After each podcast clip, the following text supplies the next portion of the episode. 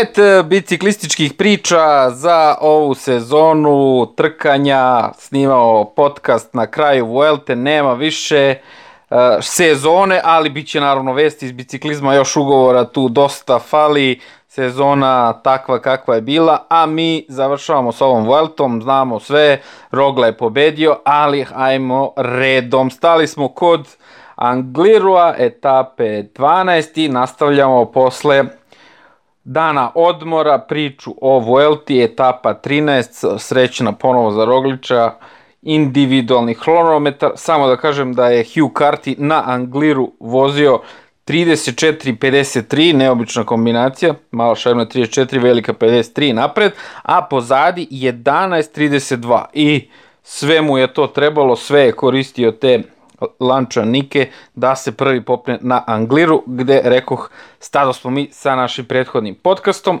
a tu je 10 sekundi uzeo uh, bonifikacije, to jest nije bonifikacije, nego 10 sekundi je Karapaz uzeo Rogliču i tu ga presvukao, a već narednog dana, etapa 13, za Rogliča kao stvorena individualni hronometar i sada vraća Rogla Milo za Drago 39 sekundi uzima Karapazu, a Hugh Carty samo 25 sekundi na toj etapi zaostajao za Rogličem, što je bilo odlično i sasvim dovoljno da bude na podijumu, sigurno na podijumu posle te 13. etape.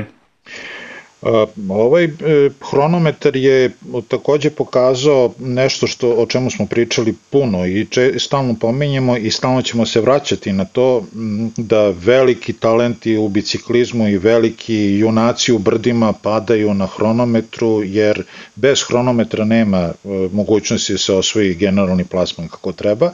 Upravo ono što je Đorđe sad rekao, ja na mom papiru imam napisano ovaj, ispred mene Hugh Carty odličan. E, znači, momak koji je do, do juče bio žgoljevi klinac koji se probio u svetu biciklizma, koji je ove godine zablistao, očigledno je puno radio i na hronometru i u jednoj ovakvoj konkurenciji i na jednom hronometru koji je izgledao varljivo lak. E, u principu nekih 90% staze je bilo prilično bezbolno za većinu takmičara, taj posljednji uspon na koji su se na kraju većina odlučili da menjaju bicikle, je bio prilično e, nezgodan i, i tu je bilo ovaj sečak nezove što bi se reklo. Naravno, to je ovaj, odgovaralo Rogli apsolutno, to pokazuje i sam rezultat. Uh, Ostaje pomalo neki žal, ajde neka e, sportska nepravda, mada ništa tu Rogla nije uradio loše ni ružno, naprotiv on je dao sve od sebe i to mu se vratilo. Rezultat Vila, Barte iz CCC-a, momka koji e, se nalazi u timu koji je definitivno već rasformiran, iako, već, iako e, se pominje kao pa možda i nije, možda i nije, u stvari većina njihovih vozača su već našli novo, novi angažman aranžman za sledeću godinu, on nije našao i za jednu sekundu je ostao bez pobede na tom hronometru. Verovatno bi mu ta pobeda i olakšala i poboljšala neku poziciju u bilo kakvim pregovorima sa bilo kim, ali nažalost to se nije desilo. E, takođe ostaje nepoznanica za sve nas, e, e, nismo ovaj, posvetili puno pažnje tome, ali nam je palo u oči da E, su e, neki od e, timova koristili donekle, a donekle ne. Raznorazna pomagala prilikom menjanja bicikla, te tepihe ili te staze i tisone, kako iz ih nazovemo, koji, su omoguća, koji bi trebali da omoguće vozačima da kad siđu sa, sa hronometarskog bicikla lakše i brže stabilnije pretrče do, do ovog brdskog bicikla, u stvari do klasičnog drumaša, i tu ostaje takođe nepo, nepo, nepoznanica koju je Pavle pomenuo i evo na kraju krajeva Pavle neka sam kaže o tome zašto je na Tour de France bilo na jedan način, a ovde na drugi način. Pa ja moram da priznam da nisam bio baš najvrednije, nisam radio domaći zadatak.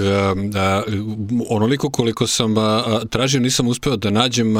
Siguran sam da ako bismo sad čitali knjigu pravila UCI-a i, i samih trka, da bismo našli, ali postoje nepoznanica jer prosto na Tour de France-u nije bilo mogućnosti da ekipa unapred čeka sa biciklom, već je to prema pravilima morao biti bicikl sa timskog automobila, a ovde smo videli videli a, nešto što se dešavalo na svetskom šampionatu, čini mi se u Innsbrucku pre nekoliko godina, gde je na potpuno istovetan ovakav način omogućeno ekipama da menjaju bicikle i da imaju određeni prostor za to koji se a, a, može iskoristiti i da pritom ne smeju da guraju vozača više od 5 sekundi. A, za, zaista mi je to nepoznanica, prosto nije nemoguće da je a, učinjen neki ustupak, pa, pre svega to smo videli na Tour de France-u i videli smo sada na Vuelti gde je potpuno isti organizator. Trebalo bi da su potpuno ista pravila ist, pod istim je krovom UCI-a, tako da nije nemoguće da ovde, pošto je bilo, rekao bih, zahtevnije brdo nego na Tour de France-u. Na Tour de France-u jeste La Planche de Belfi 6 km teško, ali ovde je bio baš, baš, baš, baš zid. I nekako sad organizator možda u napred para pretpostavlja da će veći broj vozača da menja. Na, na Tour de France smo videli da je bilo vozača koji nisu menjali. Reko, bilo je ovde, rekao bih da ih je bilo u većem obimu nego ovde, pa da je tu eto tako to omogućeno vozačima da sve to prođe bezbolnije i na kraju krajeva što se tiče Rogliča jeste definitivno prošlo bezbolnije. Setit ćemo se kako je to proteklo na Tour de France-u, te ok, njemu je već tu kuvalo u glavi, već su mu stizale vesti da gubi Tour de France i nekako je to bilo tamo a, spetljano, smotano, dešavalo se u delu staze gde je bio dozvoljen pristup navijačima koji su tu samo da kažem, smetali, ne da su oni nešto krivi, već pravili buku, a, oduzimali deo staze, odnosno širinu druma, malo to tako pravili pometnju. Ovoga puta je što se tiče Rogliča, sve je proteklo izuzetno, izuzetno dobro, pa je tu tako, on eto, nije dozvolio da mu se isto dogodi na, na dva Grand Tura za redom. I jedno, eto, mala rekao bih činjenica, ne znam, verovatno delimo to da je tu, da, da su hronometri sa ovime malo interesantniji, prosto neće biti baš prvi put da, da, da kažemo da smo malo lenji kada treba pratiti hronometar i realno se tu ne dešava baš mnogo toga, uglavnom pratimo zadnjih 15 vozača, šta ja znam, a, a, kada se odlučuje, kada se tako, ovaj, a, kada se donose neke odluke, pa tu eto, to nam je dovoljno terena i materijala da vidimo šta sve ima od nekih tehničkih noviteta, kakva je poza vozača, ko kako pedalira, ko se kako snalazi od brdaša u toj njima ne baš najomiljenoj disciplini, ali ovde ovako sa ovim izmenama, sa tim najavama ko će menjati, ko će, ko neće, ja se sećam jednog intervjua Toma Dumulana pred Tour de France kada su ga pitali da li će menjati, on je rekao, pa ja znam, ali, ali neću da vam kažem, naravno ne želim da otkrivam tajne, dakle eto taj jedan još detalj je neko skriveno dodatno oružje nekih a, a, vozača, dodaje dodatnu dimenziju da oni mesecima unapred razmišljaju o tome da se bave time, da tu neko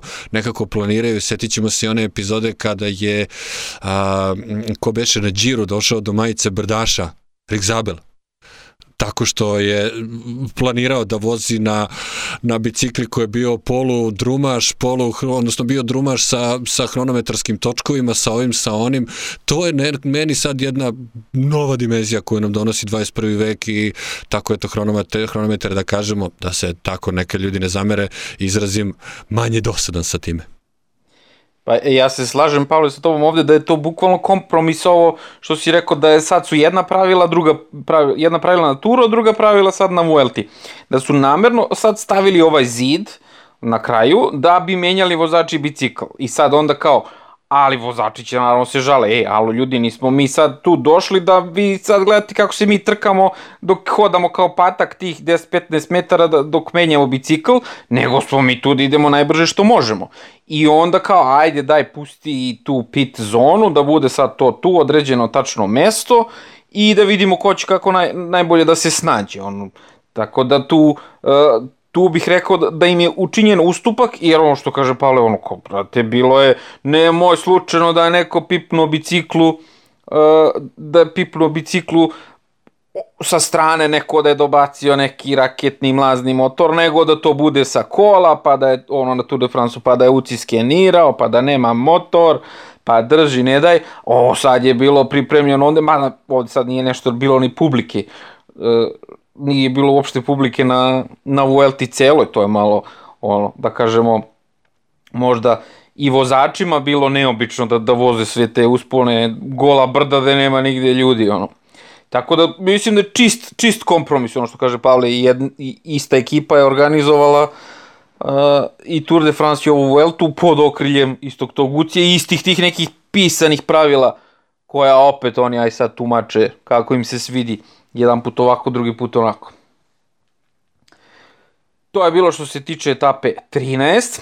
Roglić vratio majicu, rekao smo 39 sekundi, očekivano. Karapaz spaso što se spasti može. Takođe nećemo reći prvi put e, da e, bez hronometra nema osvajanja i jedna od žrtava ovog hronometra jeste nažalost Dan Martin. Svi ga nekako simpatišemo. Bila jedna od ređih prilika da on baš nešto uradi. M je bila treća nedelja, evo vidjet ćemo sada nešto lakša, barem nisu bila monstruozna brda. M je bila skraćena Vuelta za tri neke etape. A, pretpostavljam da delimo žal što je on ponovo eto tu pao i definitivno sad ovde može da se okrene onako jednonedeljnim trkama i da tu, i da tu bude briljantan. I još jedan detalj koji nisam uspeo da nađem, vraćao sam snimak a, a, koliko sam razumeo a, a, iz jednog od intervjua Chris, Chrisu, Chrisa Fruma neki načinjem propust nisu ga sačekali sa biciklom što ne bih tumačio kao nešto namerno, kao on sad odlazi, videli smo da se na najlepši mogući način rastao sa ekipom i da je zaista muški, odnosno svojski se potrudio da je to zaista izuzetno svom snagom radio za čitavu ekipu, ali da je nekako došao do propusta jer on je tu planirao da menja, pa je video da nikog nema i da je onda produžio.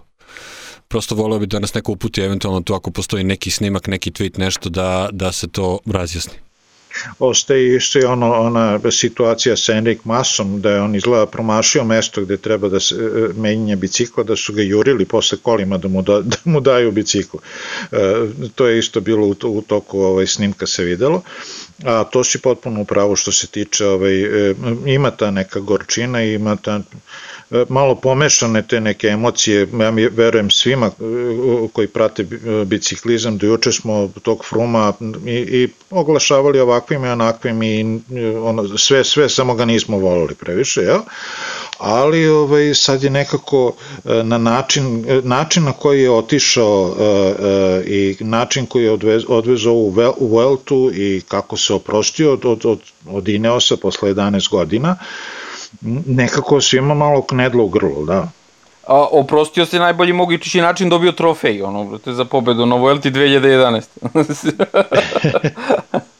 Dobro, taj, taj trofej bi dobio i da je bio na Vuelti, da nije bio na Vuelti, to mu je sledovalo, ali opet, e, meni je recimo vrlo dirljivo, e, e, ova Vuelta je za razliku od svih drugih Grand Turova koje smo gledali, zaista puna emocija, puno nekih ljudi je posljednji put u nekim timovima i neke velike imena će promeniti ekipe u naredne godine, to jest već, već su na putu ka novim timovima.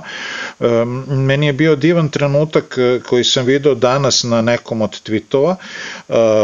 Po, po završetku etape u Madridu, Chris Froome je, ne sećam se imena momka iz Emirata, poklonio potpisanu svoj startni broj, onu karticu koju nose sad u onim džepovima pozadi na, na, na dresu. E, kao taj klinac je, mislim klinac, e, e, momak je prvi put na Grand Touru i dobio od Fruma koji je do sad imao ne znam koliko Grand Touru i koji vozi posljednju trku za, za Ineos. Zaista jedan poseban trenutak, ali to je to Frum bio sasvim najnormalnije da pokloni nekome. Ja da sam verovatno na njegovom mestu rekao bi ne, ne dam ni pertla, ne dam ništa, hoću to da sačuvam kao posljednju uspomen na Ineos ali eto, bojim se da će zbog sve brzine i sve gungula u, u, u koju se održavala cela ova sezona, masa tih nekih divnih trenutaka ostati nezapaženo i nezapamćeno. Dobro, pratit ćemo Fruma naravno naredne sezone. Njegova pobjeda peta na Tour de France je i dalje u igri, možda neko misli da je to na dugačkom štapu, ostaje da se vidi on za, za sada. Nakon tog oporavka od povrede ima jedan Grand Tour eto još u svojim nogama, pokazao se u najboljem svetlu kao pomagač ekipe, videli smo da Geraint Thomas nije želeo da radi za Bernala, svojevremeno ni Froome nije želeo tek tako da popusti pred uh, Geraintom Thomasom kada je ovaj uzeo 2018. kad je bilo u sred afere uh, uh, Ventolin, Tako da tu je to mm, nešto što ostaje, dakle ne ide on nigde, gledat ćemo ga na, na narednoj, tokom naredne sezone, a meni nekako sad, neko će da kaže da sam zao čovek, ali nekako mi je Chris Froome je potpuno tu razbucao taj a, a, veliki master plan tog te revolucije britanskog biciklizma jer je on sada tehničko pr, tehnički prvi britanac koji je osvojio a, Grand Tour a, odnosno a, a sve to, ne, to, to je nekako sve vreme bio harizmatični Bradley Wiggins koji je bio pistaš koji je radio sa Davom Brailsfordom i reprezentaciji pa su oni to načinili njega formirali ekipu Sky imali izuzetno jakog sponzora bili maltene državni projekat i sve i onda je tu došao neki Chris Froome koji je pred 2012. bio na, na korak od ispadanja iz ekipe koji je tu tamo neki robot koji je naturalizovani Britanac koji je jedna pobegulja i na samom tom a, i na samoj toj Vuelti gde je pretekao Viginsa, pa i 2012. ono kad ga ostavio u šumi, nekako mi to sad sve ovako interesantno to nekako kvari, rekao bih, sliku Britanaca i o njihovom zlatnom dečaku sa Zulufima Bradleyu Wigginsu. A i kad smo već kod tog fruma i kad smo i dalje na ovoj etapi 13 na tom hronometru, da kažemo što reče Pale, e, e, da je peta pobeda na turu u igri, do godine, do, mi smo najavljali da će posle snimanja onog našeg prethodnog podcasta izaći e, ruta za tur, to bi moglo da bude još poseban podcast, ali ajde samo da kažemo da do godine nikad na, najpraktično tradicionalnija ruta u poslednjih 15 godina ima 50 km hronometra i to lepo hronometra za, za Fruma, ako on se vrati ponovo u tu formu, jer ovde nije, a ovo što reče Pavle 2011. baš na toj Vuelti na kojoj je dobio sad ovaj za koju je dobio sad ovaj triumf na, na kraju ove Vuelte je jednom nogom već bio u Garminu tada kod ovog Jonathan Watersa i Waters kaže da za tim najviše žali jer tada je odlazio Thor Hušovd u BMC, on je pustio Hušovda, a Frumu je tražio, bukvalno je bio pod, polu potpisan ugovor i uh, Frum je onda posle prvog dana odmora kao e, ruka ruci, samo nisu potpisali i onda posle drugog dana odmora kad je on proradio ko avion, onda je tražio još pola miliona više. I onda kaže, kaže Jonathan Waters, ja tra, sad treba da idem kod ovih mojih sponzora. I kaže, ne, treba mi pola miliona više. On kao, majmune, Waters, jesi normalan, otišao ti Hušovd, zlatna koka i ti mi sad tražiš pola miliona za tog nekog tamo Kenica, ono što kaže Pavle, naturalizovanog Britanca, ono kao, ma ajde, beži, brate, ono kao, ne, ne, ne, ne interesuješ nas više, ono što, I eto šta se napravi od tog fruma, ono, ta, ta 2011. I on što kaže Svetioničar, svi smo nekako sad sentimentalni, znaš, ne bi volili da baš ovako završi, nismo ga ni gledali nigde, znaš, šta je vuko, ni nešto je malo on vuko, kao pomagao Karapazu, ali nije ni njega bilo nigde, ni, ni Neosa nije bilo nigde. A idemo dalje, na, na, e, nećemo završiti nikada. Ajde. Šta? Da, ajde. Mo, možemo do sutra da pričamo o tome, sam, ali moram da kažem i da ću da ajde. Uh, znači, pošto ste obojica pomenuli istu rečenicu, a, a, ja moram da dopunim, jeste Froome iz Kenije i svi kao naturalizovani Britanac, Bradley Wiggins je rođen u Belgiji. Jeste ali njemu, njemu, niko, njemu niko ne kaže da je naturalizovani Amerikanac. Tako da ovaj, to je e, ono, različiti su aršini to drastično, katastrofalno. I ja, ja sam i pri, pričao i pisao o tome, ali nećemo sad o tome, ajmo dalje na sledeću, na 14. etapu. A dobro, njegovi su odande, njemu je Čela bio na trkama u Belgiji. On je rođen na tlu Belgije. Znači, dobro. ima dvojno državljanstvo. I jesi zao si. Eto. Je li imao majicu duginih boja ili pet kontinenta kad je bio mali? Kad je bio mali Ajde, u Belgiji. Ajde vi lepo idete na, na večeru negde izvedite gospodje, prošetite malo, ja ću da pričam pa do, kad dođete nastavimo na 14. etapu. Ajde. Ajde. Tim Velens, Tim Velens, uh, dečko, dečko car, kao što ima onaj naš brend. Uh, dečko ih je odradio bukvalno u poslednjih 500 metara na pamet. Iako se videlo da je Vuci tu bio najjači i da je spajao, ali Tim Velens je pre toga iskoristio trenutak nepažnje, preselio od ovih napred i onda ih po onim krivinama odradio maestralno na pamet, na, na, na pamet i na iskustvo. I meni je tu bilo interesantno tog dana uh, što je, rekao bih, pokazni ceo dan tim Total Direct Energy vukao tu. Oni su vukli da uhvate taj beg i vukli grdni i ono kao, ajde brate, raspali se ljudi, ali za koga vuku, ono, nigde se nisu videli, ono.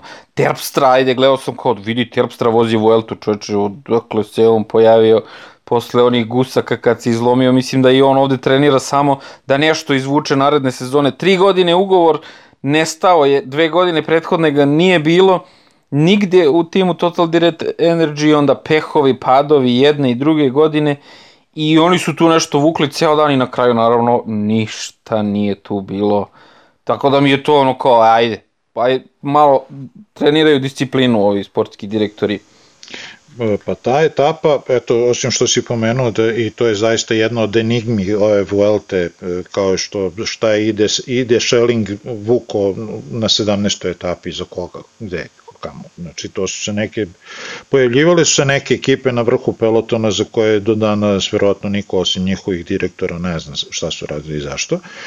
Ali uh, ova etapa, dobro si rekao da ih je, Valens ih je dobio ne samo na pamet, dobio ih i na snagu i uh, Valens je iskoristio uh, neke, ajde, da li su to taktičke, da li su to moralne slabosti neke od, od, od, od vozača koji su učestvovali u tom begu, njih šestorica su bili, lepo su radili, sve to išlo lepo i u, pred kraje, naravno, očekivalo se to da će neko da proba da beži. E, Štibar i Soler su prvi krenuli da pobegnu i e, ova četvorica su sedeli, gledali se, sedeli, gledali se i onda je su jednom trenutku rekao, aha, vi samo sedite, gledajte se, ja odoh i otiš.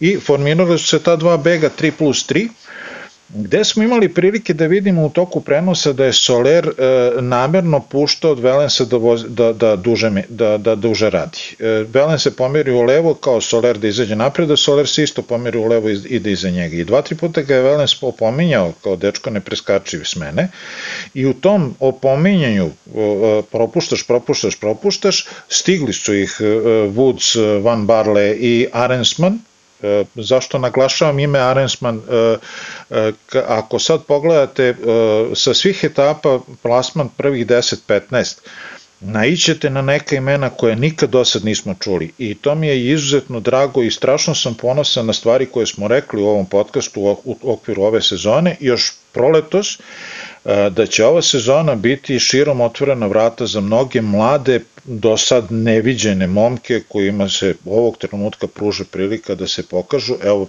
ako je to pokazivanje jeste na kraju krajeva da uđeš u prvih deset na nekoj etapi na Grand Touru, to je super stvar. U svakom slučaju opet se skupila ta grupa i e, Valens je e, prvo što je pametnije pročitao stazu i pametnije se kretao u, on, u, u onim sitnim krivinama levo-desno koje su bile pri, na samom finišu i znao se ko prvi uđe u tu posljednju levu krivinu, taj je pobjednik jer iza krivina nema 20 metara do cilja. A Woods, e, e, ja sam pročitao nekoliko komentara da je on najviše menjao, da je on najviše spajao kad su bili razvojeni, kad su bili 3 plus 3. Ja to moram da priznam nisam vidio. Ja sam vidio da uglavnom Van Barle vuče neke nenormalno duge et, ove, deonice, da, da jako dugo stoji u smeni, i stalno se ima utisak da se Vuc ili čuva ili kao u fazonu kao dobro Vuci ti u ravnici, a ja ću da ih stižem uz brdo. To mi nekako nije se činilo pravim i ovo što, ovaj redosled kakav je na, na, na kraju bio mi je potpuno i realni i pravičan. Ovde se još jedan put potvrdilo koliko je zaista važno to što si rekao poznavanje same staze, ali i reakcije iz automobila. Možemo da oprostimo vozačima ukoliko nešto zaborave nakon 5-6 sati trkanja, nakon velikog žara borbe, ali za to služi uh, uh, javljenje, za to služi radio veza iz automobila da ih podsjeća, da ih podsjeća u poslednjim kilometrima, jer ovde je Velens rekao da je imao informaciju da u poslednjem kilometru može slobodno da bude napred, što se naravno pred, da kažem, kažemo sprint, odnosno završnica etape, nikako ne radi. On je znao otprilike kako se to tačno dešava. Ja bih rekao da, da, da je Vuc na kraju bio iznenađen. Otkud sad tu cilj? Da li to, to, to je potpuno neobično, nije bila nikakva zarava, nikako nešto sad grandiozno da se postavi cilj, da se lepo to vidi, nego jedna krivina, tu se malo nešto penjemo i opet ti ga prošli smo cilj. Tako da je to bilo za Vuca, on je pomislio sjajna kombinacija, oh, ovaj izašao ispred mene, to ne može biti bolje, međutim Velens je eto tu tako uspeo u zadnjih 300 metara da izađe napred i da, i, i da dođe to. Neretko a, a, vozačima i čitavim ekipama prosto a, a, vesti javljaju i ljudi koji se po prirodi posla nađu na samom cilju. Tipa kako duva vetar, kako je samo postavljeno, ljudi mogu to da vide na mapi, ali ne mogu u datom trenutku da znaju jer se na startu etape nalazi 200 km odatle. I zbog toga eto to je još jedan put pobeda informacija između ostalog. Velens je ovde iskoristio na najbolji mogući način svoje praktično uh, svoje kvalitete. Pogledamo sve etape i prethodnu koje, na koje je triumfovao ovde na, na, na ovoj uh, Vuelti, uh, to je samo da nađe etapa broj 5, Sabinjanjigo, ako se tako kaže, isto bio neki ovakav cilj na blagom usponu. I sve neke ciljeve ko, gde god je on pobedio, to je bilo na nekom blagom usponu i to je ono, trkamo se do linije. I, i, i psihički jak i, i taktički izuzetno jak i čini mi se da on na iskustvo ovo pobedio zato što dolazi iz Belgije, znamo da tamo ima ovakvih ciljeva mali milion i ovakvih trka je on mnogo više prešao nego što Woods tamo mogao da vozi u Kanadi ono, ili u Americi one kriterijume, neke široki bulevari i, i, i sve što, što uz to ide.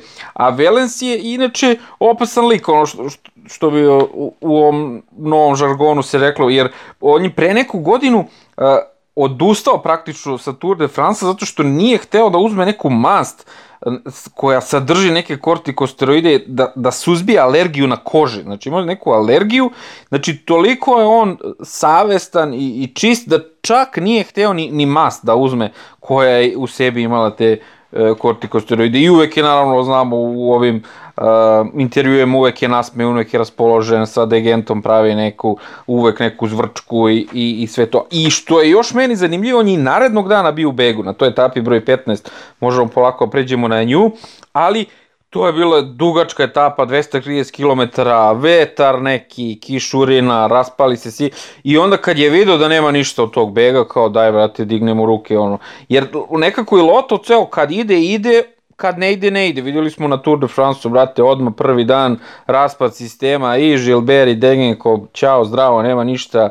Posle ni Degent nije mogu ni u jedan beg da ode, a ovde kad ide na Vuelti, evo Velens, de god je našao šansu, on je, on je to materializovao. Osim naravno na toj 15. etapi kad čim se da je sam donao odluku koja je, vrate, juče sam riknuo, da je, ovo ne, ovo ne ide, ovo je beg, ovaj beg će da, da, da, da uhvate. I tu su vukli, tu na toj 15. etapi vukli Bora i NTT i Trek, ono što su vukli, Boga pita, ajde Bora, zbog ovog Ackermana, ali šta je Trek radio, što kaže svetioničar, pojavljivali su se ovde neki timovi koji samo oni valjda znaju šta su tu radili. A na toj 15. etapi još jedan 22-godišnjak triumfo, Jasper Philipsen, sprinter iz UAE tima, maestralan triumf. Maestralan triumf na neverovatno teškoj etapi. Pa ta etapa je bila ono što sam, od čega sam se ja najviše bojio, što sam strahovao da će cijela Vuelta i dobar deo Đira da prođe u takvim vremenskim uslovima, u takvim ovaj, e, nehumanim uslovima za vožnju, em što je bila ekstremno duga etapa, 230 km, em sve vreme kiša, sve vreme vetar, sve vreme hladno, znači po takvom vremenu meni, ja se smrznem dok gledam tako, a ne da, da, da sedim na biciklu i da vozim. Kao što je rekao Đorđe, e, e, ne samo Jasper Philipsen ili Jasper Philipsen kako god, već i Steinle Janik, treći na etapi, čovek iz Dekioni Quick Stepa, čovek koji je samo zbog neiskustva i samo zbog tog straha od autoriteta propustio Ekermana koji je krenuo kada, obila, kada je obilazio Philipsena pred ciljem ovaj, i kada je e, Ackerman krenuo da izlazi iz Senke Jakobsena, bukvalno je krenuo prema ovom Štajmle Janiku, eto moram opet da pogledam kako se čovjek zove, i čovjek se sklonio u levo, da je ostao u svojoj traci, e, Ackerman ne bi imao kuda, kuda da prođe, ovaj bi bio, na kraju bio drugi. Znači, još jedno novo ime, ja ne znam odakle Dekioni Quick Step vadi sve te klince, oni bukvalno kao da imaju na, na, na, na, na grani negde sprintere i dobre ovaj, klasičari, samo čupnu i postave ekipu kad god im zatreba.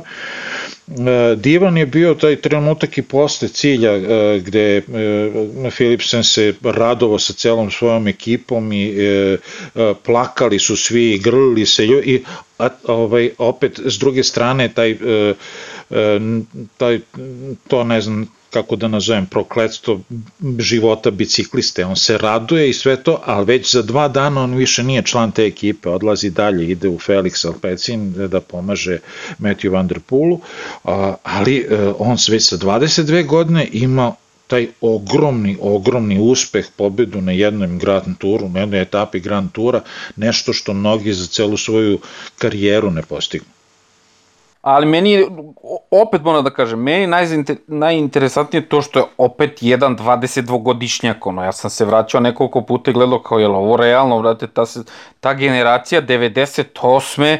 znači razvaljuje ove sezone, bukvalno rastura i ono što je Pavle negde pomenuo u nekom, ne znam da si pričao, više ne znam šta smo pričali u podcastu, šta smo pričali ovako, da je to, da je ova sezona koliko je neobična, toliko je e, teška za stare vozače koji su navikli za, na, na tipičnu sezonu, a ovi klinci, ono, oni su trenirali na miru, na valjcima, na trenažerima, baš ih bilo briga, oni ni ne znaju, praktično juče su došli u pelotonu i ne znaju kako treba da izgleda ta sezona, ono. Nema, nema ono ko šta te zaplaši između dve trke, oni kao jao sad ćeš ti da vidiš šta je Lijež, jao sad ćeš ti da vidiš šta je ova trka, oni nisu imali vremena uopšte da razmišljaju za to, niti da, da, da da ih neko plaši, niti novinari, niti neke izjave. Znači, jednostavno nije bilo vremena da dišu i ja mislim da su i zbog toga dali uh, ovako uh, svoj onako maksimum i, i nešto možda što ni oni čak nisu očekivali da mogu da da pruže. Pa idu verovatno to, upravo ste lepo naglasili, e, idu bez ikakvog opterećenja to nešto treba da bude tako i tako, zato što sam bio i prošle i preprošle naprošle. Ne, došao sam prvi put, ovi ostali inače deluju malo ko bez glave, pola njih je već preumorno i nisu nešto previše zainteresovani da se, da se biju, kao što ja ne bi probao. I e, onda bukvalno čista srca iz čistog neznanja i neiskustva, to jest neopterećeni drugačijim iskustvima koje ono ponekad znaju da vežu noge, da, da, da, da ono, da što kaže da odseče noge na pola, ove, oni motaju breko mutavi i stvar, i to im se vraća, to je fantastična stvar, ali e, danas je baš objavljeno, e, mislim da je ne sećam se, ne znam, nije ni bitno ko na, na Twitteru je objavio, podugačak spisak a, vozača koji nemaju ugovore za sledeću godinu. To su sve vozači 29 i više godine.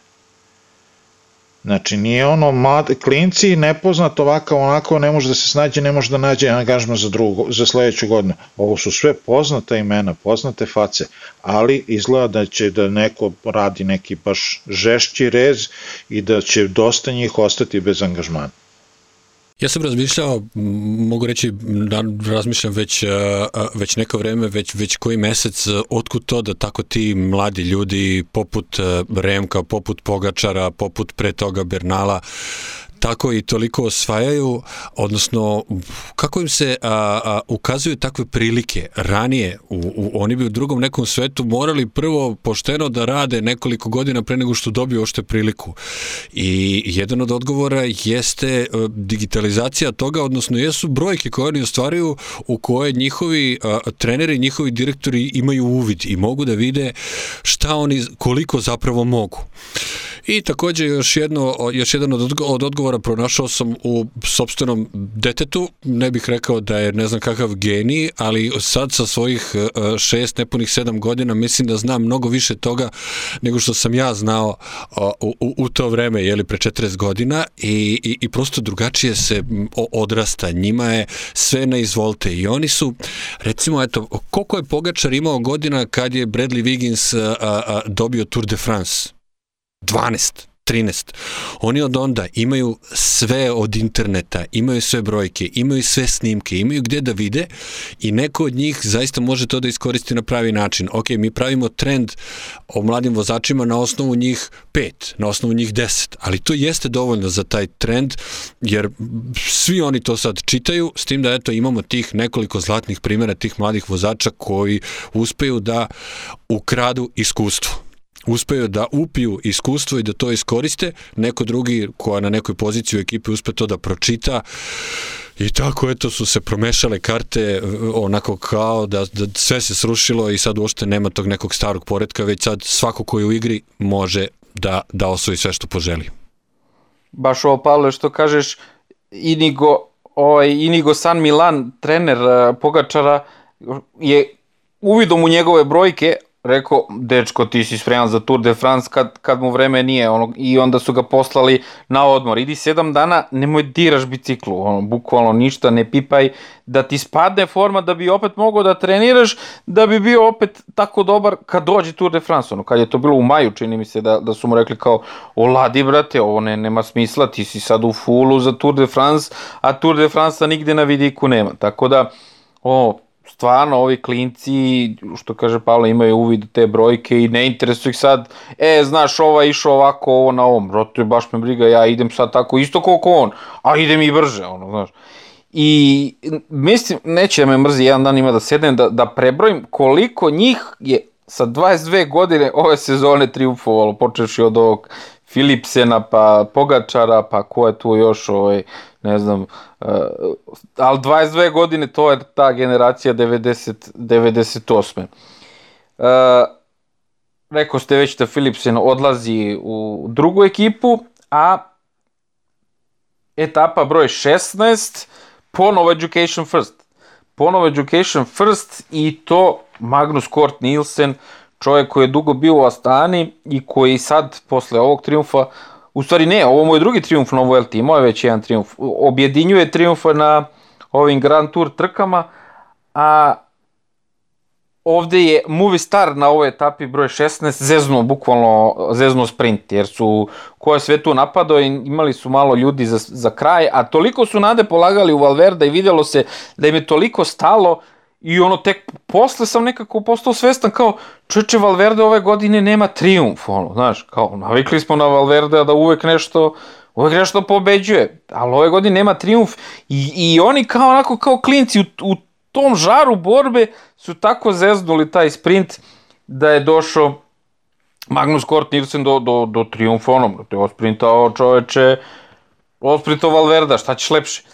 A Ineos je tu zeznuo stvar što su vukli na ovom prethodnom brdu, vukli, vukli i otresli ove sprintere koji su trebali da pokupe bonifikaciju i onda tu dođe Roglič i uzme 6 sekundi za drugu poziciju, ono koji posle cilja se još nervira kao jaj kako ne pobedi majko mu, ono, znaš, vidiš ga da je, da je, da je pravi borac. I tu je popeo na 45 sekundi prednost u odnosu, u odnosu na Karapaza. Mislim, pričamo cijelu sezonu o tim propustima taktičkim, ali ovo je stvarno bilo od Ineosa. Nije sad tu ni Karapaz bio loš, Karapaz je bio peti, ali znamo da je Rogla bolji, bolji tu u, u sprintu.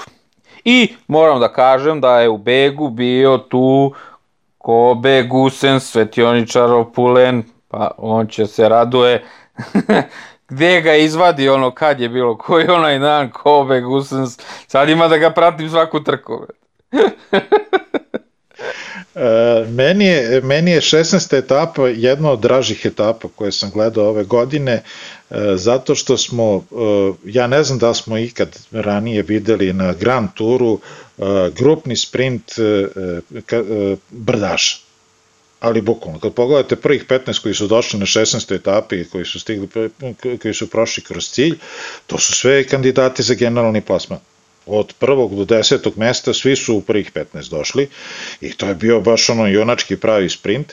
Gde se tu i tamo umešao, Magnus Scott Nielsen nije iz te priče, nije tu Roj, Roj Košta koji je e, napravio glupost, napravio onu promenu smera, kret, promenu linije kojom se kretao drastično i time poprilično usporio Roglu koji je morao da koči u jednom trenutku. E, e, Rui Košta je na kraju došao treći, ali je ovaj, do, kažnjen deplasmanom na kraj grupe zbog, zbog te nagle promene pravca i nesportske promene pravca. E, tu bih pomenuo, pogledajte kako je Rui Košta vozio tu etapu, taj finiš i onda pogledajte 90% etapa koje dobija Demar, pa mi kažete da li ima sličnosti ili nema. I e, ono što si pomenuo, e, Bora, po meni, Bora je tim koji je ove godine napravio e, najveći broj kardinalnih taktičkih grešaka, a, a, boga mi pred kraj Vuelte sam, nisam bilo on da li će Jumbo Visma da se potrudi da ih stigne ili to Ineos radi, jer upravo to što si rekao, pokušavali su da otresu roglu, samo su otresli sve moguće sprintere i ovaj, na kraju kad u tom ostatku koji ostaješ ne može da bude Karapaz u sprintu nikad bolje od Rogle pa ne znam šta da se desi. Znači ti si praktično samo dao besplatnu vožnju svom glavnom konkurentu koji će na kraju sigurno da te pobedi. Ja to kad sam video, mislim, slažem se naravno sa, sa, sa odlukom e, žirija, odnosno komisije za deplasman uh, Ruja Košte, gde jeste to uh, Roglič ostao tu uskraćen za eventualno 4 sekunde koje je mogao još da dobije bonifikacije da je bio prvi, ali baš kao sa offside-om u futbolu, nekad budeš oštećen, nekad te pogleda sreća, nekad ovako, nekad onako, on je na kraju uzeo Lijež Baston Lijež nakon jedne takve uh, vratolomne akcije ovoga a, Ala Filipa, koji je zatvorio Marka Hiršija i Tadeja Pogačara, tu je Roglič bio četvrti u toj grupi i ok, svaka mu čast ostao je da, da sprinta tu do kraja i na kraju za ono malo uspeo da se provuče ispod ruku Ala Filipa i da dođe do velikog klasika. U svakom slučaju jedna od lepših etapa, baš ono zanimljivih etapa gde se bogami junački dvuklo i, i, i sam taj finiš je bio fantastičan. Ostaje žal što Valverde nije dobio ni jednu etapu, ali e, ja bih se vratio, a, a to ćemo vidjeti i, i, i u okviru 17. etape, na nešto što je Pavle pomenuo pre, neki, pre nekoliko podcasta u vezi jumbovizme. E, stalno dolaziš pred kraj sa 2, 3, 4 vozača i to ne materializuješ u nekom već. Ja mislim da je, to, da je, kad je to u pitanju, da je Movistar tu neprevaziđen. Oni non stop imaju po 2-3 čoveka u prvih 15 i ništa ne naprave. Samo da ja dodam za ovu etapu broj 16 za ovog Magnusa Kort Nilsena da je čovek fantastičan na Instagramu po tome što ocenjuje hotele, ono. A to je počelo odatle što ga je prethodni tim Astanac imala kao ajde čoveče ništa nisi aktivan na ovim društvenim mrežama, moraš malo se aktiviraš pa malo daj ovo uh, promovišeš tim, promovišeš sebe i on kao, ma daj, brate, pustite me, samo smarate, ono, kao ste dosadni. I onda kao, drž, ne daj, vino kurov je tu uh, taj koji drži bič. I on kao, e, dobro, ajde, ja, ok, poslušat ću vas, ali neću uopšte, ono, ja ne, uopšte me to ne interesuje za neku svoju promociju, već čovek pronašao tu kao da, da, da bude zadovoljena i Astana krenuo da ocenjuje hotele u kojima oni odsedaju i ono kao sad je ono, još će da ga uzmu i da rangira hotele, ono što se tiče zvezdica, ono, bukvalno. Tako da je to jedna interesantna trivija. E, a ovo što se taktike tiče, što ste pomenuli sad da otvorimo Pandorinu kutiju za ovu etapu 17. Ono, znači, tu se bukom mrtva trka, ne zna se ko je gori taktičar. Da li Jumbo Visma, da li Ineos, da li na celoj ovoj trci, da li Movie Star. I sad ono kao, pomogao Movie Star ovima da on, znaš, da uhvati rogla tamo, da ne izgubi od Karapaza. Mislim, nije, ajde sad da je to bilo jedan put, nego što kaže Predrag, mi gledamo njih stalno, oni vuku nešto i ništa, brate, ono, to nije njima prvi put, ali ovo može da se sad nazove, bilo je, bilo je tu da vučemo da ne, da ne uzme Karapaz Vueltu. A onda Jumbo Visma koja čoveče tu je što kaže isto, svi pričamo kao stalno su nešto sa njih pet i sad od jedan put se svi raspadnu, nigde nikog nema. I bude ona jedan učenik u begu, ali u stvari je opet pogrešna, pogrešna procena, bolje da je bio i Vuko ceo dan ovamo pozadi nego što je došao tu i Vuko roglu 100 metara. Ono, I to je bila puka sreća da ga vuče po onom ravnom kad je već otpao Roglić. Tako da, ajde kažemo, 17 etapa zvanično David Gadu, drugi triumf, sjajni, sjajni triumf, ali bila je velika ono, borba pozadi za tu majicu lidera, crvenu majicu, koje na mišiće Roglić izvuko i to samo zato što je on jak i što su i njegovi vozači onako tvrdoglavo jaki. Inače, ovo, što se te taktike njihove tiče, toliko smo puta pričali da je ovo i ovde su omanuli, onako majestralno su omanuli tog 17. dana, najvažniji dan kad treba da ti bude, da ti vozači budu tu, oni ti se raspadnu, nigde nikog nema, još ti vuče ti guessing ceo dan, umesto otišao Gadu napred koji ima 10 minuta, pusti beg, brate, 10 minuta, odmah će pet timova da skoči da ga juri. Tako da, što se tog 17. dana tiče, Rogliču svaka čast na Alto de Kovatila, spasao što se spasti može, ironija sudbine je to da je 24 sekunde pobedio Vueltu, a da je 48 sekundi uzeo bonifikacije tokom čitave ove Vuelte. Znači duplo. Praktično bi on imao za ostatak 24 sekunde da nije imao tih 48 sekundi bonifikacije. I kad pogledamo i Giro i Tour i Vuelta su se završili sa prednošću između prve dvojice sa zaostatkom drugog manjim od jednog minuta. Znači Tour 59, Giro 39 i Vuelta 24. Znači ova sezona što se toga tiče stvarno, stvarno svaka čast. Uh, ono što si e, sad pomenuo koliko je Rogla jak, a koliko je Jumbo Visma u stvari pa ne, malo ružno reći, verovatno će na prvu loptu zvučati potpuno nepromišljeno, ali ja nemam drugi, drugi izraz za to nego kažem da je glup tim. E, znači čovek koji uzme četiri etape na Grand Touru, koji je non stop prvi ili drugi, za malo da izgubi opet ceo Grand Tour zbog te posljednje etape i zbog razno, i tih pogrešnih odluka koje je tim, u etapi gde, znači, neplanetarno, univerzum zna da na toj etapi se odlučuje sve. Univerzum zna da će Karapaz da napadne. I ti to nespremno dočekuješ. Dočekuješ tako da ti se na, posle 20 minuta napada već oba pomoćnika koji su ostali uz roglu raspadnu, više ne postoje ćao. Znači, to je nešto što jedan ozbiljan tim sebi ne da ne sme da dozvoli, nego ne znam kako uspeš da to dozvoliš uopšte. Ne treba znati da pa, pa napravite takvu grešku. I onda kad pogledate, uh, cela Vuelta se svela na to da su bez obzira na tim koji je nominalno staju za njih, završila između ljudi koji su najvažnije trenutke vozili sami.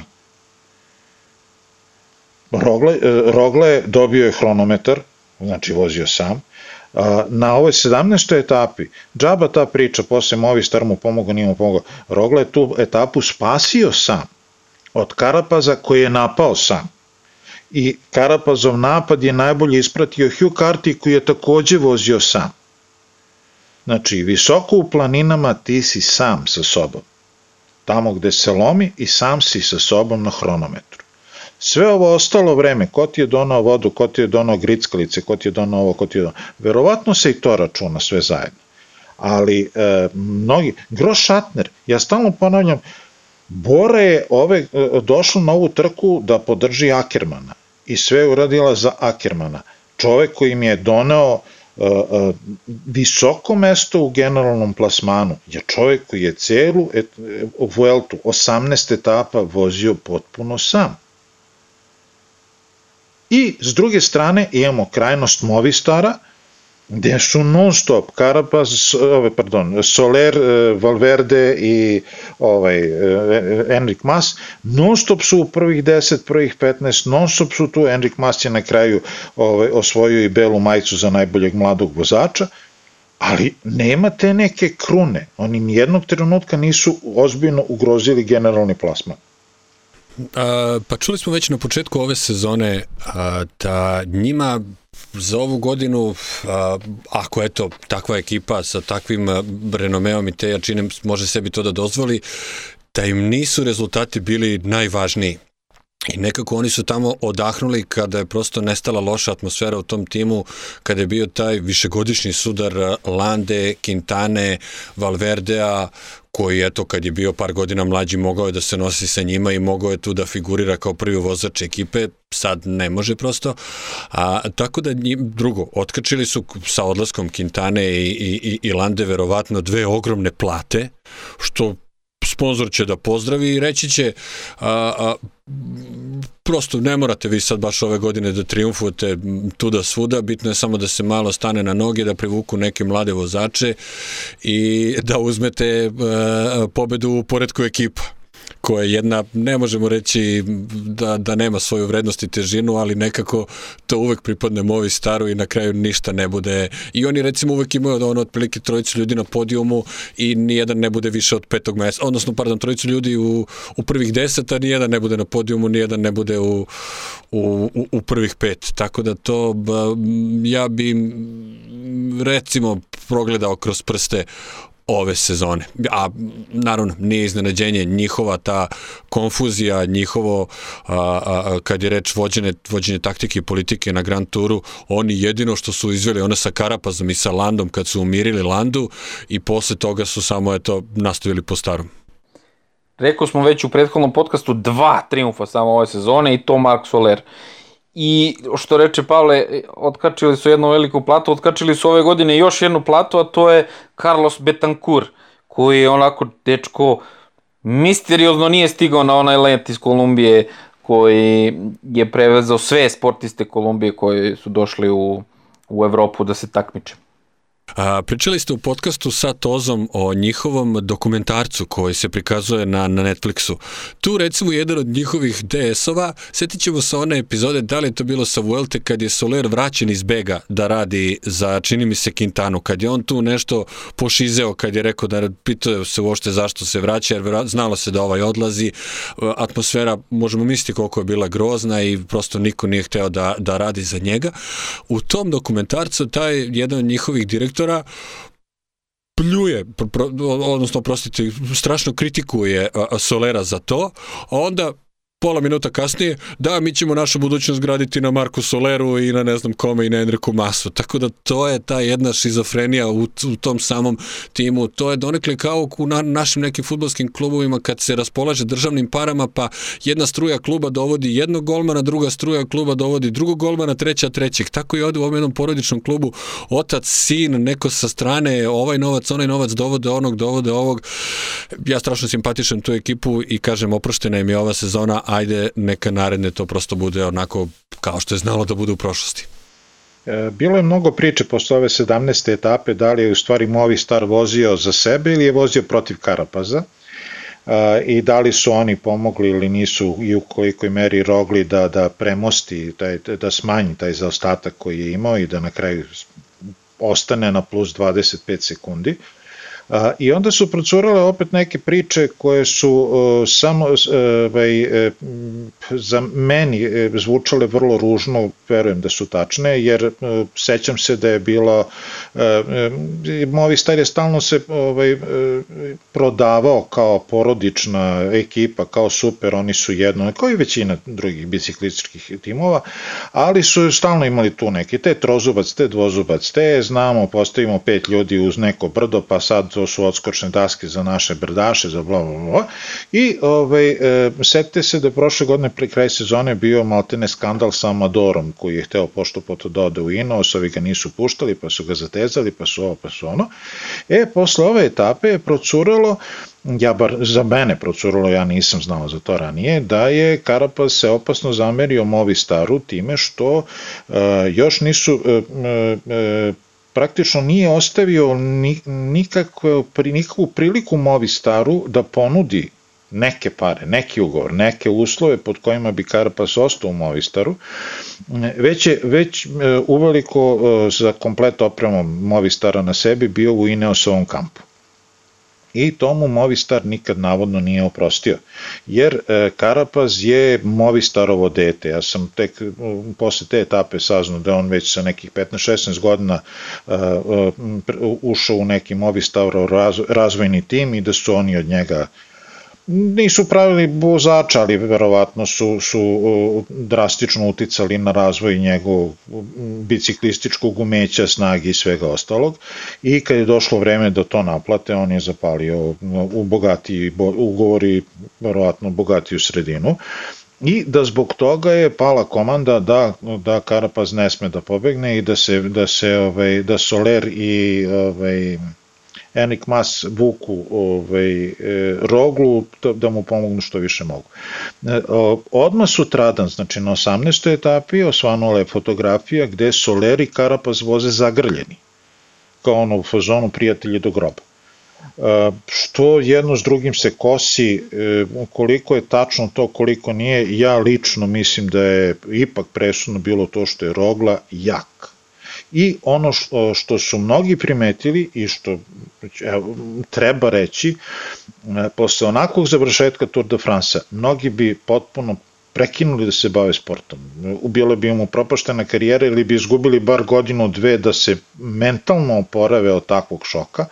E, Rogla je nepunih meseci i po dana kasnije osvojio Grand Tour. Znači, to govori o, o tome koliko on, što kažu klinci, mentalna gromada. Pa neka je, zaista, znači, na stranu fizikus, na stranu to koliko imate mišiće i kapacitet pluća i sve ostalo, ako nemate u glavi i pogotovo ako nemate u srcu, džaba vam sve bilo i Rogla je pokazao da sve to ima. Eto. Uh, aj sad, ovo, neću da ulazim u ovu taktiku što si ispričao, to sam ja video, svi su kao drvlje i kamenji, kao movie star, ovo spaso. Brate, šta je mogo da spasi, oni su vukli, ni oni ne znaju zašto su vukli, ono, eto, sastali se Soler, videli se posle celog dana Bežanije, Soler i, i Enrik Masi, kao aj vučemo nešto zajedno, ko što mnogo puta imaju te besmislene, su imali te besmislene taktike. Ali ovo što kaže Svetioničar, ovo je presudno, Roglić je tu, brate, sam spasao. I nije što je to sam spasao, nego što je on od prvog dana krenuo da pobeđuje. Znači on je došao, bam, prvi dan svi sveže, ja osvojio etapu, uzao majicu, 10 sekundi monifikacije, tri puta je pio prvi, tri puta drugi, znači tri puta po 10 sekundi, tri puta po 6, sve zajedno 48 sekundi. Znači, to je ove godine sve samo zahvaljujući njemu, ono što kaže Svetioničar, toliko su glupi, oni ispali ove godine kao tim a prethodne da ne pričamo na onom džiru isto su izgubili od Karapaza zato što su oni pravili sranja sami sa sobom i u svom timu nisu mogli da se pohvataju a nisu ni imali tim sad imaju neverovatno jak tim i gube tur zadnji dan i što kaže Svetioničar neverovatno jak tim dovode sebe u situaciju da da ono nije izvesno da je Karapaz krenuo na 5 km do cilja, uzeo bi vrate 4 sekundi. Znači, Rogla jeste stisnuo pesnicu posle linije cilja kao da je imao tu to pod kontrolom, ali ajde da ga pitam, ali bi imao pod kontrolom da je ovaj na 5 km otišao i da ga ovaj više nije video. Pa sad nek ti računaju, jel on stigo napred, pa je luzo sekunde, jel nije, je bilo 35 ljudi u begu, ko je sad ostao tu više ni oni ne mogu se pohvatiti na drumu, ali prate Roglić je ovo sam, što kaže Svetioničar, pobedio od prvog dana, krenuo da pobeđuje i ja mislim da oni sa ovom taktikom, kad se Ineos prikupi sledeće godine i sa ovakvim jakim timom, ma nemaju šta da traže uopšte, ne mogu da se trkaju, jer i ovde kad pogledamo, taj Karapaz je i on dečko bio sam. Znači ono što kaže Svetioničar, bilo je ovo sami ljudi sa sobom na hronometru, na brdu, jedan protiv drugog, pa ko jači, na kraju se svelo na samo 24 sekunde i to 24 sekunde bez bonifikacije i za 24 sekunde bi izgubio Roglić da nije bilo bonifikacije. Ali ono što je neko napisao tu na Twitteru, kojim krije, brate, svima su pravila iste, što nisu oni pobeđivali pa uzimali sekunde bonifikacije. Tako da je ovo Rogli kapa dole, što kaže predak čoveče pre koliko je on Tour de France maestralno izgubio, znači to je moglo da te obeleži za ceo život da više ne sedneš na biciklu. Ja pre svega da, da, da, kažem da zaista želim da verujem da postoji ta nota da je Movistar radio protiv protiv Karapaza, jer nekako to mi je to španska serija na španskom tlu u španskoj ekipi, to mi je nešto čega u sportu ima i ne mora biti to nešto sad strašno, to je prosto a, rivalitet. A samo evo da, da, da brojkama potkrepimo to šta je Roglič uradio. Dakle, on nije završio Tour de France uz to kako je završio, vodio je sve vreme, bio veliki favorit sve, imao je sva prava da ode dva meseca da plače da ga ne vidimo do nove godine. Tour de France se završio 20. septembra, on je 27 vozio svetski šampionat, završio kao šesti, da sad kažeš možda je mogao da se nađe na, na podijumu, na primer. Sedam dana nakon toga je slavio na trci Lijež-Baston-Lijež, uzo monument u svojoj karijeri, ne možemo reći ni krim ni dužan, ali eto, imao je zaostatak u tom sprintu, igrom slučaja mu se pružila prilika, nije odustajao, sprintao je i za treće mesto, za drugo na kraju, eto, odsprintao za prvo. I 16 dana kasnije se našao na startu a, Vuelte, a ne zaboravimo, vozio je i pre Tour de France-a, Criterium Dauphinea, pre toga vozio Tour de Lan i pre toga vozio a, slovenačko državno 21. odnosno 28. juna. Pa imao ceo taj jul da se pripremi. Početkom avgusta počele prve trke za pripremne za Tour de France i on, znači, uopšte nije imao noge na ledu da sad kažeš odmaraš, priprema se, već je tako, eto, na najbolji mogući način eto odužio se možda i sebi i, i, i svima za ono što što im se dogodilo. Ne možemo reći ni, ni da je bio kriv što je što je što je onako poražen na Tour de France od strane jedne više sile. Fantastičan veliki trkač fantastičan odgovor i to što skače što ide na te bonifikacije. U tri drumske etape stiga i četvrta na, na, na, na hronometru.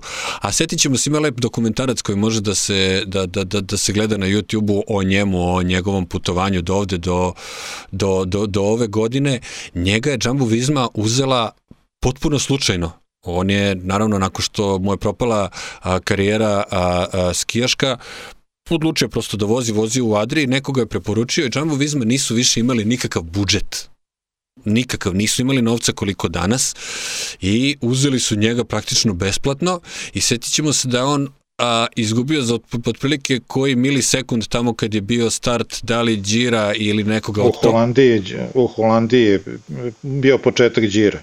Tako, od, to, od Toma do Mulana. Jedan od DS-ova iz Jumbo Visma, on kaže mi nismo imali pojma da on tako dobro vozi hronometar. Jer tu je on odmah označen kao neki sad hronometraš, ali daleko od toga da su oni sad njega napravili na to ili da su sad to radili na tome ili da su nešto znali predosećali. Oni su na preporuku dobili vozače i rekli su ajde, ok, vodit ćemo ga na trke, praćemo mu veš, daćemo mu patike i dres i, i, i to je to i eto, zaista fantastičan bingo.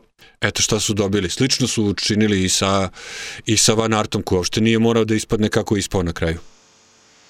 E, to svaka godina donese neke nove, neka nova imena, neka nova lica, sad idu, stižu winter is coming. Ove, stižu dugi, ove, dugi dani bez biciklizma pa ćemo moći malo i da sredimo utiski da pregledamo ono što kaže Đorđe. Mene isto zanima u prvih deset na svakoj etapi koliko ćemo klinaca koje do sad za koje do sad nismo uopšte čuli koliko ćemo naći tih imena. Još jedna od stvari po čemu se razlikuje ova godina, a počinje da pada u oči. To je kada pogledate razne razne sajteve koje prate e, transfere u biciklizmu. I sad vidite kad, kad stavite e, kolonu da, e, da pretražuje po koloni ko je ove godine bio u nekom timu, obično na početku, na vrhu te tabele izađu vozači koji do sad nisu bili ni u jednom timu. Trenutno ima jedno 20-30 vozača koji do sad nisu bili ni u jednom profi timu koji su dobili ugovore za narednu godinu. Sve mladi vozači. A zašto nam je to inter... zašto nam je to čudno? Čudno nam je zbog toga što ove godine na svetskom nismo imali trke za mlađe kategorije. Mi nemamo pojma šta se dešava sa klincima do 19 i do 23 godine uglavnom. Tako, a naravno postoje raznorazne skauti koji to gledaju, koji to prate, tako da ako smo iznenađeni ove godine koliko klinaca novih se pojavilo, ja verujem da ćemo sledeće godine biti preplavljeni tim klincima. Tek oni neće imati apsolutno ni, ni sekunde respekta prema bilo kome. Ugrabio sam u, u sportu koji je Ne mogu reći da je pred gašenjem, ali e, kako ova sezona prošla, prošla je pravim čudom, prošla je na žilet, prošla je kroz iglene uši, bukvalno smo pola svakog Grand Tura očekivali da li će sutradan biti trke ili neće, pitanje šta će doneti sledeća godina. Tako da verujem da će pola tih klinaca prva e, prilika koja im se pruži na bilo kojoj trci, da ćemo sad gledati trke od prvog metra, a ne da čekamo posljednjih 500 metara da li će nešto se desiti. A jedan od kurioziteta ove ovakve sezone jeste da evo na Vuelti a, e, nijednu etapu nemaju pro konti ekipe koje su obično tu da, e, pogotovo u Španiji gde naravno veliku tradiciju ima biciklizam i biciklizam po brdima, dakle Belgija ima svoje, Španija ima svoje, Italija ima svoje, koji, ko, koji su tu naravno a, a, a, poverenje organizatora vraćaju tako što idu u begove, a, kako se to kaže, animiraju, odnosno pokreću trku, podižu dinamiku i, i, i recimo u toku treće nedelje ili ajde kad već uspeju da se izbore za neki triumf, ovoga puta između ostalog nisu mogli da žive od Rogliča, ali zaista nisu uspeli ništa da, da, da ostvare jer su velike ekipe imale poslednji voz da se dokopaju nekih pobjeda i nekih svetla reflektora, što im naravno mnogo, važni, mnogo znači za sponzore. Ma ne, ne samo to što nisu imali prokontinentalni timovi tu nikako praktično udeo u, u trci, već, već kad pogledamo mi ovo, ovde su se trkali samo praktično ljudi koji su bili na Tour de France, ono, ko je bio i Hugh Carty je bio, i Tan Martin je bio, i Rogla, i Carapaz, Znači, ovo je i Valverde isto bio, znači, ja mislim, i, i da, i Valverde i Mas je bio, znači, svi bukvalno sa tura su došli, ono i Hugh Carty kad je posle pričao kao, toliko je bio umora na svetskom prvenstvu, to je vozio za, za Britaniju, za, uh, u dresu reprezentacije, da kao ono, kao joj brate, ne mogu više da vidim biciklo, ono, uopšte, ne mogu da, da, da gledam bajs. I onda je napravio odmor 7 dana i onda mu se ponovo vratila želja za, za treningom i krenuo trenira i došao na Vueltu bez ikakvih očekivanja. Znači on sam kaže, apsolutno ništa nije očekivao. I ono kao dan za danom, dan za danom i kao, wow, I isto Tao Gegenhardt čoveče, on je došao, kaže prvi dan onaj hronometar dole na Siciliji, kaže ja sam startovao, tu je on izgubio neko brdo vremena, jer je trebao da bude pomoćni Geranta Thomas. Kaže ja sam startovao, uopšte nisam imao želju da vozim, nikakvog adrenalina, ničega, znači on nije imao volje za životom kad je startovao Giro, a kamoli za Bajsom i na kraju pobednik Gira, ono, mislim, potpuno sezona to ono, van, van svih tokova, van svih očekivanja, ali toliko mladih novih imena je donela, što kaže Svetioničar, koji u normalnoj sezoni ne bi imali ono, nikakvu šansu da, da, da, da, da se dokažu ili pokažu, da, ono, nego da tu mora guslaju, jure, love, spajaju, pa tek onda.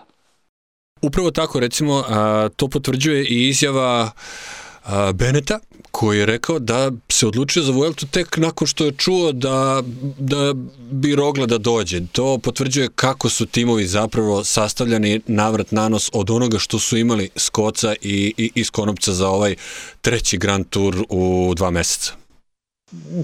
Apsolutno je čudo, božje čudo, da je cela ova sezona završena, bez prekida trke, bez ičega i upravo se desilo, dobro nije trebalo biti, ne znam koliko pameti da se dođe do tako nečeg, da ćemo, se, da ćemo videti e, neke ekipe koje su bukvalno sastavljene u poslednji čas ili su sastavljene od onog ko je danas zdravi, ko, je, ko ima manje kilometara u nogama, ajde voziti ove preumoran. Uh, tu se uh, i bit će još dosta stvari oko koji će se raspravljati što po portalima, što po ovaj, društvenim mrežama, što na kraju kraja po, i po nekim zvaničnim institucijama, jer još uvek stoji uh, ta neka namera e, organizatora Đira da, da ovaj, malo rebne po novčaniku e, jumbovizmu što su napustili Điro posle prvog čoveka koji im je, ovaj, koji im je bio pozitivan, Krujsvik je bio pozitivan i kompletan jumbovizm je napustio Điro, što po mišljenju organizatora nije u redu, znači ne zameraju Mitchelton Scottu jer oni su imali 5-6 pozitivnih i to je kao ok, ali ovi su imali jednog i nije ok.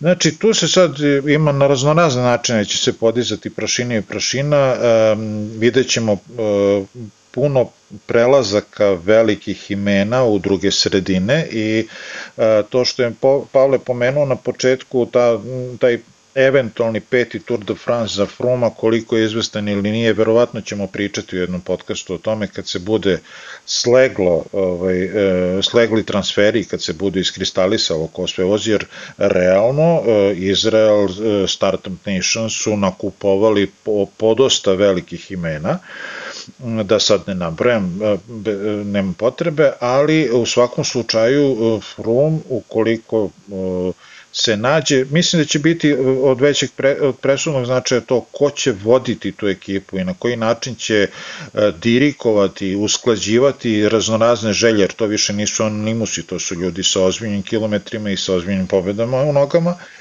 Uh, uopšte nije isključeno da vrlo ozbiljno napadnu. Ja verujem da će, da će osvojiti barem jedan podijum na nekom od Grand Tourova sledeće godine. Da li će biti prvi, to je već pitanje. Ali e, ono što je Đorđe rekao u vezi sa e, tim nekim e, potpunim opuštenim dolaskom na Grand Tour. Znači, već sam sagorao na jednoj trci, ubio se, sad pozvolim, a dobro, već, ajde, sad ću da odvezem koliko bude mogo bez, nekih, bez nekog preteranog pritiska, pokazalo se jako dobrim. E, za mnoge vozače se pokazuje jako dobrim i, i upravo je to nešto na čemu rade treneri u velikom broju sportova i da, bez obzira da su pojedinačni ili timski, da sklone pritisak sa, sa ramena e, sportista, znači ponavljam bilo kojim sportom da se bave, i da na taj način, e, znači nije sad, e, ako se setite kako je Oliver Tink, ovaj, Oleg Tinkov e, non stop podbadao Sagana pa kao biciklisti vole kad su pod pritiskom, nije tačno. E, evo to je na kraju kraja priča Movi stara od ove godine. Svi ponavljaju kako je divno da su najzad oslobodili se pritiska tog non stop klanja Landa, Quintana, Valverde koji, koji, koji je veći pevac a koji nije. Znači e, e, kada, se, kada pustite sportisti kao i svakom čoveku da, koji se bavi bilo čime, da fokusirano radi to što radi, da radi na najbolji mogući način, da sam sa sobom to odradi kako treba, bez pritiska sa strane, onda, onda rezultati uglavnom ne izostanu i to je evo Hugh Carty je jedan od, od primera za to. Kad si pomenuo ove, za sledeću sezonu i ove ugovore, samo da, da, da napomenem da je uh, Ucijev rok za prijavu timova za narednu sezonu, inače 31. oktobar, znači ono, Sveti Luka, Halloween, lakše će se neko zapamtiti, ali kad je bio 31. oktobar, čovječe, kad je bio 31. oktobar, trka prštala, Vuelta nije se znalo ni, ni ko će da, da, da triumfuje, bilo je neizvesno. Čas na jednu, čas na drugu stranu. Znači, evo, snimamo sad, šta je ovo, 9. novembar, čoveče, znači, pola, ja ne znam, o, ko se sve raspao, ko nema ugovor, ko ima ugovor i oni ljudi trče u krug, ono, više ne znaju, ne znaju, u stvari, sad se uopšte ni ne zna će bude i sledeće sezone, ono, kako je sad ovaj opet lockdown u novembru, šta će bude sad za novu godinu, boga pitaj, kad je najveća praktično migracija stanovništva, to će tek možda da, da, da se odrazi na proleće kada opet treba budu klasici. Tako da je ova sezona, što kaže Predrag, sreća pa je i bila, ja sam još i na početku rekao da je poklon, šta god da bude, sjajno je, a rekao smo već tri Grand Tura su bila i sva tri su završena sa zaostatkom drugog manjeg od jednog minuta, što je ono, mislim, stvarno, stvarno sjajno. Što se mene tiče, ono, možda kažemo nešto za ovu 18. etapu, da je Ackerman triumfovo, što reče Svetioničar, nije mogla bude bolja završnica nego fotofiniš. Pa, fakat, eto kako je bila, ta, sve vreme smo, što, što su dalje odlazili dani Vuelte, ja sam imam utisak da sve se niže saginjem i gledam kroz špijunku da li se dešava Vuelta da se ne dešava i bukvalno ova poslednja etapa je bila razrešila se na, na idealan način koji oslikava praktično celu sezonu, u fotofinišu. I to u fotofinišu dvojice na Vuelti nominalno najjačih sprintera, do jučerašnjih timskih kolega, Ackermana i Sema Beneta, gde je mogli smo da vidimo raz, i, i, i takođe smo mogli da vidimo razliku u uopšte u pristupu a, a, ovoj situaciji, vremenu u kome se trenutno nalazimo u Španiji za razliku od Italije. Znači, već, je, već je pomenuto nekoliko puta, e, Španiju uglavnom nisu gledali, e, uglavnom nije bilo publike. Gde je bilo publike, primetno je bilo da se gleda da se drži to neko rastojanje i ja mislim da su ako ne svi, ali ono 95% njih su bili sa maskama na licu. A, to, tako je završio i Madrid. Madrid se e, vozi, vozio po, po e, jako širokim, ravnim, pravim ulicama i bez obzira na to što je ulica samo po sebi široka nekih 15-20 metara, a, e, ograda iza koje su mogli da, da budu posmatrači je bila još odaljena od toga, još nekih 7-8 metara dalje od ograde koja ograničavala kretanje, pokazivala kretanje biciklista. Znači, stvarno su, što se tiče te organizacije Španci uradili bukvalno sve što je moglo da se uradi. Sama etapa je prošla kao što prolazi većina etapa. Ode beg, uhvate beg, pa neki pokušaju neke kao kasne begove. Znalo se da će sve da se završi na tom grupnom sprintu. Bio je jedan potez Ackermana na nekih možda 100 metara od cilja, malo trzanje volanom u levo, ali ne nešto što je bilo kažnjivo, što je bilo sankcionisano, malo je samo izveo Beneta iz ravnoteže u smislu da je morao malo da koriguje svoju putanju. E, ovamo su se Philipsen i, i kako se zove treći momak što je na kraju bio prvi, e, su, oni su se malo klali uz levu, uz levu ovaj, barikadu, ali ništa specijalno. E, Ackerman koji do sad je imao tu jednu pobedu koja mu je dodeljena time što je Bennett kažnjen i oduzeta mu je pobeda, sad je, hvala Bogu, najzad pobedio jedno. E, kažem u tom nekom direktnom susre, sudaru 1 na 1 i ta pobeda mislim da najviše znači Ackermanu, znači više nego Bori, znači više nego bilo kome drugom.